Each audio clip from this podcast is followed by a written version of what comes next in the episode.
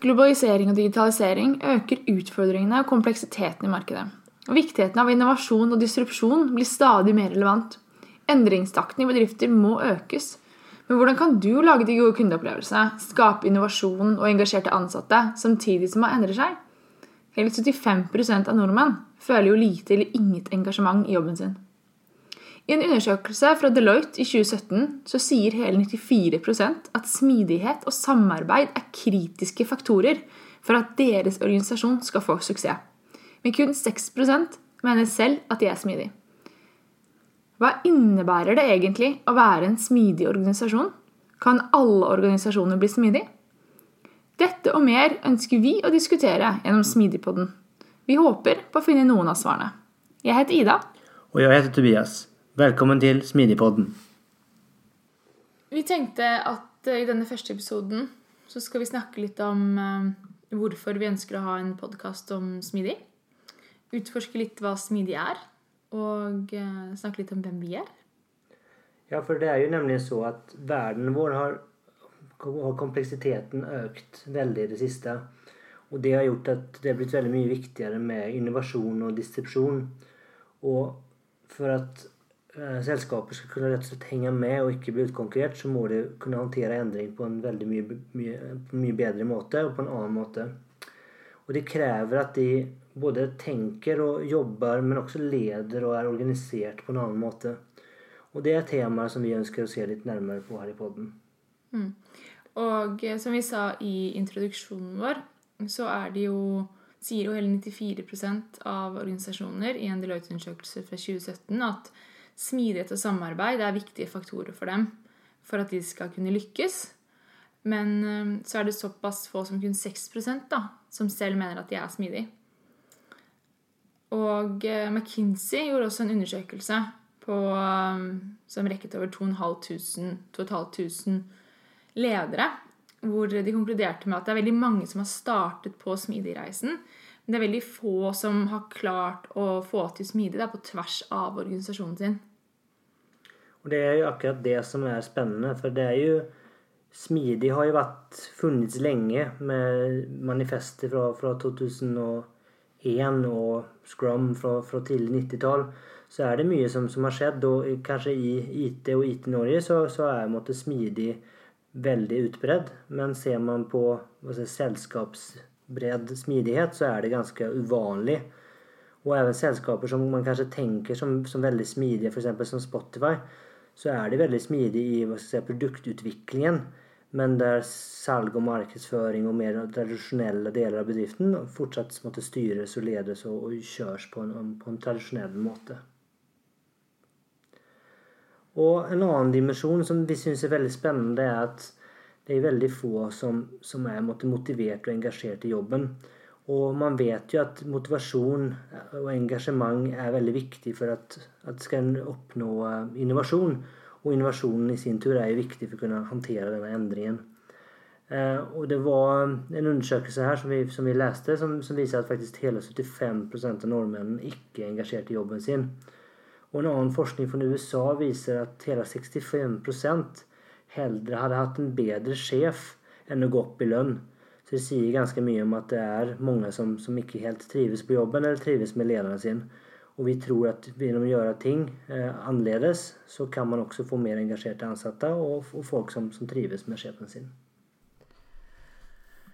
Ja, så er det kanskje naturlig å tenke litt eller diskutere litt som hva er smidig. Så vet jeg at du um, hadde diskutert det med dine venninner i år. Kan ikke du fortelle litt mer om det? Jo. Um, ja, jeg var på, på jentekveld i går, og så um, begynte vi å diskutere litt rundt, uh, rundt denne podkasten, da. Og så var noen av de litt nysgjerrige på hva, hva smidig var. Eller hva smidig er. Og så ble det, forklarte jeg litt, og så sier hun henne at eh, jo, jo, men det visste hun godt, for hun jobber, med, jobber i IT-avdelingen, og der eh, jobber de smidig. Men hun hadde egentlig ikke tenkt på det som noe utover det. Hun hadde tenkt på det som noe du bruker i forbindelse med eh, utrulling og utvikling av eh, nye løsninger da, og ny funksjonalitet. Og så begynte vi å diskutere litt ut hvordan smidig også faktisk er en kultur. da, At det er en kulturendring mer enn noe annet, og en reise. Eh, hvorpå hun syntes det var veldig interessant. da. Um, at kan eh, At det kan brukes også i organisasjoner som ikke nødvendigvis kanskje er eh, organisert eller leverer software, da. Ja, for jeg pleier alltid å si at eh, smidig går langt mye dypere enn eh, tavler og standup-møter. For det er kanskje det som folk måtte forknippe med smidig. Og jeg syns en god måte å, å forklare smidig, som, som liksom, i hvert fall henger godt sammen for meg, det er å si at det er målet eller grunnen til å gjøre det, eller er at du ønsker å generere forretningsverdi gjennom samarbeid, kontinuerlig læring og tilpasning. Eh, Så ta denne podkasten f.eks. Så, så er det noe som jeg og Ida gjør sammen som et team. Og vi lærer utrolig mye hele veien, for det er veldig mye av det her som vi aldri har gjort før, eller som vi ikke kan. Um, det er i tillegg liksom en veldig lav investering. Det eneste vi, kostnaden vi har dratt på oss, er den mikrofonen vår, som vi kjøpte fra Claes Olsson for en 500 kroner. Eh, og så er jo målet med podkasten er jo en måte forretningsverdi for kundene våre, og det er jo dere lyttere. Så for oss så er det veldig, veldig viktig at vi lager noe som, som dere syns gir verdi. Så da er det veldig viktig at vi hyppig får, får tilbakemelding om at vi er på, på riktig spor. Så vi har jo så klart noen mål for podden, og vi har noen tanker om hvilke episoder vi kunne tenke oss å spille inn. Men det tenker vi at det er naturlig at det vil bli tydeligere alt- ettersom vi går og som vi lærer, både på å bli bedre på podkast, men også hva som dere har lyst til å høre på. Men Ida, kan ikke du fortelle litt hva du legger i smidig, da? Jo, når jeg tenker på smidig Det første som kommer um, på en måte on top of my mind, da, det er et uh, sitat av Ahmed Sidki. Han er uh, EVP i Santeon.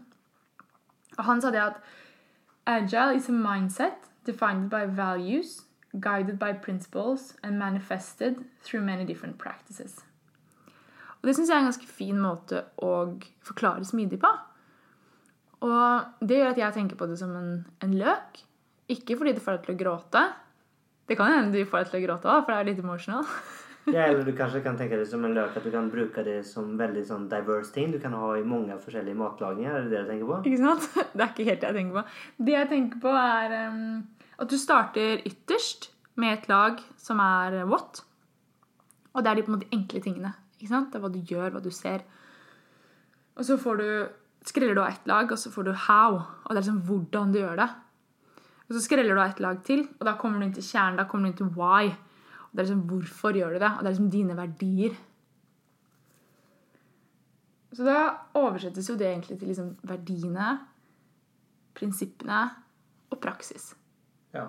Du kanskje Har du noen eksempel på noen smidige verdier som du tenker er sentralt å ta opp? Ja, jeg tenker på, på fokus, samarbeid, psykologisk trygghet.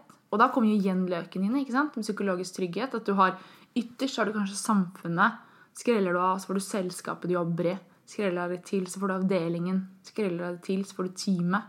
Og innerst har du deg selv. Hva tenker du med, med, med trygghet? da? Altså, hva, hva er det du legger i trygghet? Det at du skal ha trygghet til å, til å være deg selv, til å tørre å prøve, tørre å feile, tørre å ta de mulighetene som kommer. Ja, det er veldig bra. Eh, og du tenker Vi sklir inn i et, et annen eh, verdi som jeg tenker er autonomi, eller selvstyre, om du så vil. Og at, at du, du som igjen da med, med Ida sin løkautonomi Løk... Hva sier man? Metafor. Metafor. Eh, at, du, eh, at den også har forskjellige, forskjellige lag. At du som individ har et, et selvstyre, eller at du har mulighet til å påvirke hvordan du jobber. Men også at teamet ditt og kanskje selskapet i, i, i større grad har, har mulighet til å påvirke hvordan de løser oppgavene, og hva de gjør for å nå de målene de er satt til å løse. Eh, Og videre så tenker jeg en, en viktig verdi er det med, med eierskap. Ende-til-ende-eierskap. At, at teamet eh, har det eierskapet og ansvaret for, for den produkten eller det tjenesten de faktisk leverer. Og videre så er vi kanskje over, sklir vi kanskje over i, i og Jeg har snakket litt om, om team, og det tenker jeg er en, veldig veldig viktig og sentral prinsipp.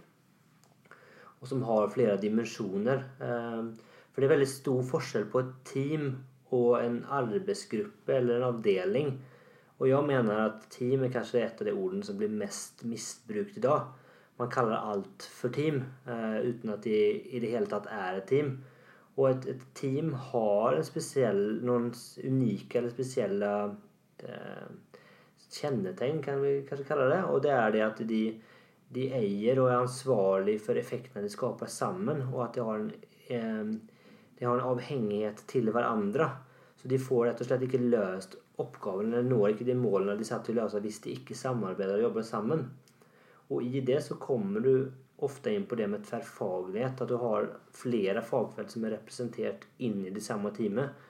Så det er ikke bare eh, helt like individer som, som har samme, samme kompetanse, utan du er satt sammen for flere fagfelt eh, for, å, for, å, kunne løse den oppgaven. Og det, det, er ikke ingen i det teamet som er i stand til å, å, å løse det selv. Så teamet er rett og slett større eller sterkere enn en eh, summen av det enkelte i teamet. Har du noen andre prinsipper du har lyst til å ta opp i det?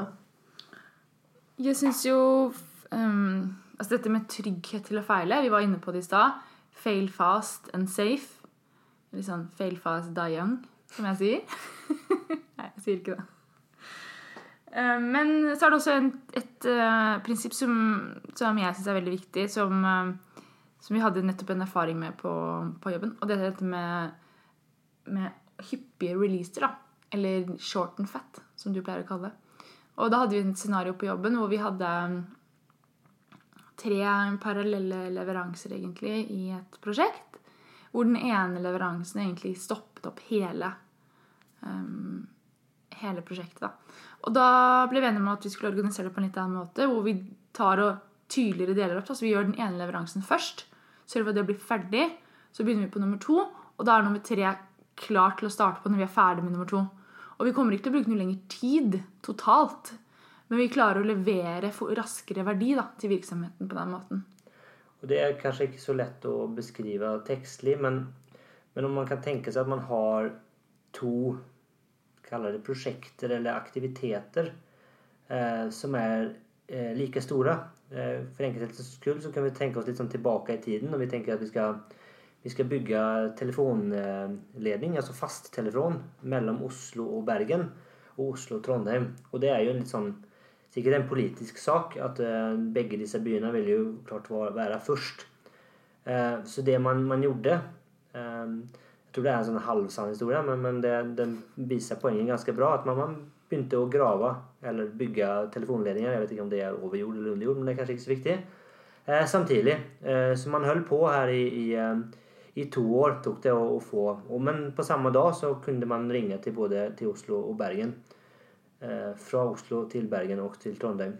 Og eh, det ansås som et egentlig suksessprosjekt. Men hadde man tenkt litt annerledes, så kunne man ha valgt en av byene først. Og klart Det er kanskje litt sånn politisk problematisk, og det tenker jeg det er i mange bedrifter òg. Oi, det her er viktigere enn det andre. Men poenget er at det som hadde skjedd, er at etter ett år med de samme ressursene så hadde man hatt den første eh, telefonlinjen ferdig, f.eks. til Bergen. Og sen deretter har man flyttet alle ressurser over og begynt å bygge til Trondheim. Eh, hvilket hadde gjort at et år senere så hadde man også til Trondheim. Så Trondheim kommer ut like bra eller like dårlig, om du så vil, i, i begge eh, scenarioene. At det tok to år før de fikk telefon. Men Bergen de fikk faktisk telefon etter ett år. Og der man ser at da har man faktisk klart på halve tiden å skape noe verdi til, eh, til sluttbrukerne her, som i dette fallet er eh, de som ønsker å ha telefon. Det man også kan spekulere i, er jo at eh, hvis man først klarer å levere til Bergen, og deretter skal starte å levere til Trondheim med de samme ressursene og samme forutsetningene, så kan du kanskje trekke noe lærdom også fra den bergensdelen av prosjektet. Så du kanskje klarer å levere fortere til Trondheim også. Ja, eller åtminstone kanskje bedre kvalitet eller, eller få andre verdier for du faktisk har gjort det en gang før og som videre ser har dratt læring av det. Da kommer vi litt inn i noen andre prinsipper her som, som er viktige. og Det er kanskje det med, med, å teste hypoteser. At du kanskje går inn med en sånn Vi vet ikke helt, men vi har, har lyst til å lære. og Det tenker jeg er en, en veldig viktig prinsipp i smidig. At du er nysgjerrig og, og, har lyst til å lære ting. Og du er liksom også åpen og klar over at du ikke vet alt. Og det er kanskje et viktig prinsipp også når man vurderer om, en, om man vil ta inn over seg smidig i organisasjonen. Man trenger kanskje ikke akkurat vite hva du skal gjøre helt i starten. Nei, og det er kanskje en episode i seg selv, men det er jo det med, med smidig transformasjon. Det er sikkert si, det er flere episoder. Som er et utrolig spennende praksis. Og det, er liksom, det som er ironien i det her, er jo at det er mange selskaper som har lyst til å være smidige. Og reisen dit, det planlegger de som et fossefallsprosjekt. Eh, og da, ja, du har jo på en måte misforstått ganske mye på veien her. Og det er jo akkurat det som er liksom den, få den læringen og finne ut underveis hva måte, neste viktigste initiativ er. En, eh, en siste prinsipp som jeg ønsker å ta frem, er det med ende-til-ende-eierskap. og Det kommer litt tilbake til det her med team og tverrfaglighet. At du ikke har masse avhengigheter, utan du selv, eller teamet som enhet, er ansvarlig for, for hele, helheten av det du leverer. Så du kan måtte ikke hive over muren og si at det er noen annen sin feil, eller beskylde noen annen, utan det er teamet som, som står ansvarlig. Og det er også de som måtte levere hele, hele kjeden og hele tjenesten. Og da får du en helt annet kvalitetsfokus, som kanskje er det siste prinsippet som vi ønsker å ta opp. At du har et, et bevisst forhold eh, og et veldig eierskap til det du leverer, og dermed så får du også mye høyere kvalitet. Men det er faktisk ett prinsipp da vi har glemt å adressere, egentlig. Og det, vi var inne på det i bergenshistorien. Men det er dette her med, eh, med refleksjon rundt det du gjør, og hyppige tilbakemeldinger. For å kunne forbedre deg, da. Ja, og det, er, ja, det er en veldig viktig ting. Og det er liksom at, at, du, si, at, du, har en innstilling, både som individ og som team og som selskap, at, at, du ønsker å lære deg og at du ønsker å utvikles. Og at det ikke betyr at det du gjorde Om du kan gjøre ting bedre, så betyr ikke det nødvendigvis at det du har gjort, er feil. Eh, det kan ha vært riktig den gangen, men det kan også være at, om som, at omstendighetene rundt deg har endret såpass mye, så du må, må endre deg. Og det betyr heller ikke at at det ikke er mulig å gjøre ting bedre bare for det er bra. Så at man hele tiden etterstreber å få den feedbacken fra både kunder, men også fra kolleger, og, så at du har den utviklingen eh, som du ønsker. Mm. Og så er det jo en del eh, Vi var litt inne på det i stad. Praksiser. Altså hva vi gjør. Som er kanskje det mange tenker på når de tenker på smidig. Ja, og det er jo liksom nesten forbannelsen oppi det her. Og det, det som mange Eh, drar i gang med uten kanskje å ha en større refleksjon på hva de ønsker å oppnå, og, og, hvorfor de gjør det her. Og setter kanskje smidig som et mål i seg selv. Og kanskje til og med drar det så langt at de setter liksom kopier på helt vanvittige ting. Som uh, hvor mange møter de har, eller hvor mange oppgaver de får gjennom et system, eller hva det ellers måtte, man kan finne på. Og det er klart, det er jo det du ser, så det er jo lett å, lett å kopiere. Og der har du jo eh, daily standups eller møter liksom blir liksom en, en, et, et, mål i seg selv som liksom er helt mot sin hensikt. Eh, og du kanskje kjøper inn avanserte um, oppgaver eller taskhåndteringssystemer og får det opp på et, et board uten at du helt vet hvorfor du gjør det, og hva, hva hensikten er.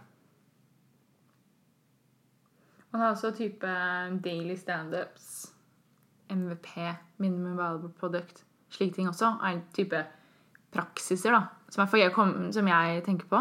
Ja, og, som er lett å Ikke sant? Og det er kanskje mange ganger man har glemt litt, eller ikke vet hvorfor man gjør de tingene man gjør, utan man bare ser at det er noe ting som man leser i avisen eller ser konkurrentene slenge seg med, så man, man, hopper på den bølgen og tenker at nå, nå er vi smidige. Mm. Du har et veldig godt eksempel, um, Tobias, på hva som skjer når man forsøker å imitere noe, og går rett på praksisen og dropper verdier og prinsipper? Ja, men før vi går inn på det, så ønsker jeg nesten å ta en analogi. Eh, og det er det med isfjell. At du har et De som, som, kjenner isfjell er Ikke så godt kjent med Israel selv, men, men det, man sier at jeg tror det er to, to tredjedeler eller noe sånt, eller kanskje enda mer, er under eh, vannflaten. Så du ser et liten del som stikker opp, og det er, kan du si at det er de praksisene. Det er det du ser og andre gjør. Men under overflaten så er den store, store delen av fjellet, og der ligger de prinsippene og de verdiene. Og det er liksom det som er den store delen av fjellet, og kanskje den viktige delen av fjellet. Men det er ikke det du ser. Og som går over litt til den historien, så, så går det her Det har faktisk skjedd flere ganger. Men den historien som jeg ønsker å ta, den, den eh, begynner eh, under andre verdenskrig i Stillehavet. Og det kan se for dere en sånn her idyllisk Stillehavsø. Hvit sand og palmer og liksom god, Solen skinner. Solen skinner og, og, og der, der, bor det, det noen stammer eh, med inn, innføringer. Eh, og de lever der i, i all sin lykke. Eh, de spiser kokosnøtter og fersk fisk. Eh, Koser seg. Og koser seg. Har liksom ikke fått noe del av det vestlige i det hele tatt. Men så plutselig en dag så kommer det en digert skip til land. Og av det her skipet så kommer det masse rare hvite menn. Og de hvite mennene de begynner å, å styre og ordne. De hugger ned trær, og de bygger opp ting. Og det, det kommer flere skip med utstyr, og det kommer bygninger, og det kommer telt. Og, de, de, um, og, og snart så har de liksom lagd en, en lang, flat vei på tvers over øya. Og de byboerne, eller de som bor der på øya, de syns at det her var jo veldig rart. Hva er det de egentlig driver med? Men det, de er jo liksom hyggelige mennesker, og de, de er ikke liksom der for å, å putte de bort eller krigsføre med dem, så de syns at det er greit. Så de får være der. Og så en dag så kommer det en stor, stor fugl ned fra himmelen. Og de byboerne blir jo helt skrekkslagne. De har aldri sett noen sånn fugl i hele sitt liv. Men det viser seg at i denne fuglen så er det fullt av goder. Det er masse, masse ting.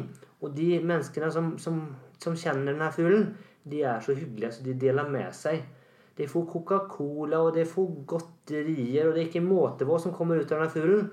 Og de boboerne som har spist bare kokosnøtter og fisk, de syns at det her er jo helt konge. Helt konge. Og det viser seg at de her fuglene de, de kommer. Hver eneste dag så kommer en ny fugl med nye godterier. Og det, disse hvite mennene de deler med seg, og det er god stemning. Men så viser det seg at denne grunnen til at disse mennene kom eh, hit, var jo for at det var krig, rett og slett. Og man hadde bygd seg en flybase. Og nesten like kjapt som de hadde dykket opp, så forsvant de. Og der sto de stakkars byboerne igjen med en flystripe, men eh, noen Coca-Cola det fikk de ikke lenger. Så hva gjorde de? Jo, de gjorde akkurat som amerikanerne. De begynte å lage fly, flytorn, de begynte å lage hodetelefoner. Og de begynte å styre ordne, for de tenkte at gjør vi som amerikanerne gjør, da kommer fuglen tilbake. Fuglen kom ikke tilbake. Og man kan kanskje tenke seg at det her, er det her for tullete historie? Og de, de primitive mennesker som, som, ikke skjønner at det må jo være noe annet som ligger bak enn det man bare ser. Men poenget er akkurat det at det liksom, i smidig så er det akkurat det man gjør. Man begynner å bygge flystriper og putter på hodetelefoner og kokosnøtter. Man setter opp tavler, man, man kjøper inn gira, og så tenker man at man skal få en moderne organisasjon som klarer å håndtere endring, som driver innovasjon. Og det er jo Dessverre så har vi ikke kommet så veldig mye lenger enn de stakkars byboerne som bodde der i Stillehavet. Mm. Og dette du forteller nå, det er jo et fenomen. Det som du sa før, det kaller man jo for cargo cult. Ja, og det har jo skjedd flere ganger på forskjellige plasser i, i verden. Jeg tror vel i Australia, New Zealand og ja, litt, litt, forskjellige ting. Så det er liksom noe som er veldig menneskelig. Å kopiere det som andre gjør, og håpe at man skal få de resultatene som, som de fikk, uten at kanskje skjønt hva det er som, som ligger bak. Og da tenker jeg vel kanskje at vi begynner å skli litt over i hvem vi er. Hvem som ligger bak? Hvem som ligger bak. Hvem er vi? Skal vi, skal vi, skal vi begynne med deg, Lida? Ja, kan, jeg kan starte med å fortelle litt om meg selv. Jeg, jeg jobber i DNB, i konsernrevisjon. Startet der i april i våres. Da kom jeg fra Deloitte. Jeg jobbet der i, i consulting i Deloitte i fem år ca. Innenfor uh, technology.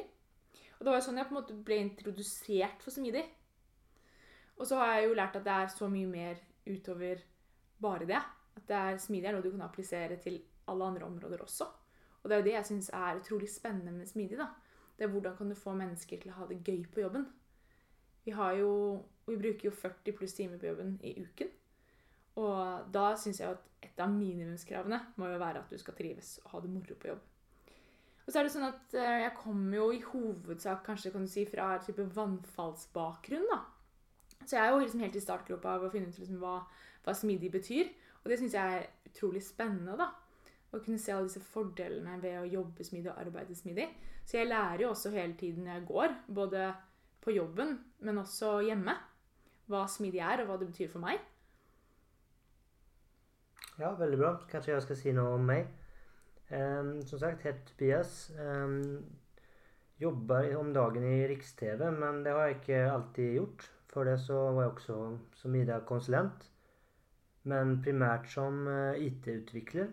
Um, og var jo litt sånn på en måte heldig at sånn når karrieren min begynte for ti år siden, så, så var det i det minste at man gjorde smidige ting. Så jeg begynte karrieren å jobbe i Scrum Team. Og var jo primært noen form av, eller variant av Scrum gjennom hele tiden. For så vidt av variert suksess, men det var jo åtminstone et forsøk på å være smidig. Også for snart fem år siden så um, begynte jeg i, Riks-TV, som den gangen som teknisk prosjektleder, med å implementere smidig i det små i Riks-TV. Og så kan man jo si at uh, Riks-TV sin smidige reise har vel gått litt sånn hand i hand med min egen reise i Riks-TV. Der vi har prøvd ut og, og, lært og feilet og gjort veldig, veldig mye bra. Og jeg har også sett hvordan, hvordan det har vært med å endre kulturen og också trivselen i Riks-TV. Men ikke minst også hva kundene syns om, om Riks-TVs produkter. Så det er liksom veldig gøy, og det er vel kanskje det som, jeg, som gjør at jeg brenner litt ekstra for det. At jeg ser hvilken effekt det faktisk kan ha. Både på trivselen i selskapet, men også for kundene og de produktene man leverer. Så i dag så er jeg en del av Riks-TVs ledergruppe og er Director of People, Culture and Operations. Og um, det sier kanskje, Tittelen sier kanskje litt hva det jeg gjør, men jeg jobber veldig mye med, med de ansatte og kulturen i Riks-TV og er ansvarlig for alle de smidecoachene eller teamlederne vi har i Riks-TV. Eh, så jeg jobber veldig tett med dem med å videreutvikle kulturen og, og Riks-TV som et, et, selskap. Så det er en utrolig spennende jobb som, eh, som passer veldig godt sammen med, med innholdet i podkasten her. da. Eh, og når vi kommer til, til innholdet i podkasten, så, så, har vi jo liksom ikke Vi har noen tanker, men vi vet vel ikke helt hvordan formatet blir. Eh, og der er vi veldig avhengige av å liksom få innspill og, og, kommentarer fra dere. Så har dere noe de, de, ønsker at vi skal snakke om, eller noen spørsmål, eller kanskje du har som lytter kanskje har lyst til å selv være gjest her, eller kanskje du vet noen som vi burde prøve å få hit, så setter vi veldig pris på, på alt sånt. Men også feedback på ja, innhold, eller hvordan vi har lagt eh, lengden av episodene, eller hva det måtte være. Så det, vi har sett sätt å kontakte oss. Så antingen kan dere sende e-post til smidigpodden at gmail.com eller at smidigpodden på Instagram eller smidigpodden på Facebook. Så det er bare å velge hvilken måte dere ønsker å kontakte oss på, så setter vi pris på alle tilbakemeldinger. Mm, virkelig. Og det var vel egentlig det vi hadde tenkt å snakke om i første episode. Så at, uh, vi får si at vi takker veldig for at dere har tatt tiden å lytte på oss, og håper at det har gitt verdi. Og som sagt en gang, noen spørsmål eller innspill, så bare fyr vei en, melding eller en eh, e-post, så, um, så, skal jeg love at vi både vil lese den og svare på den. Takk for oss. Ha det bra!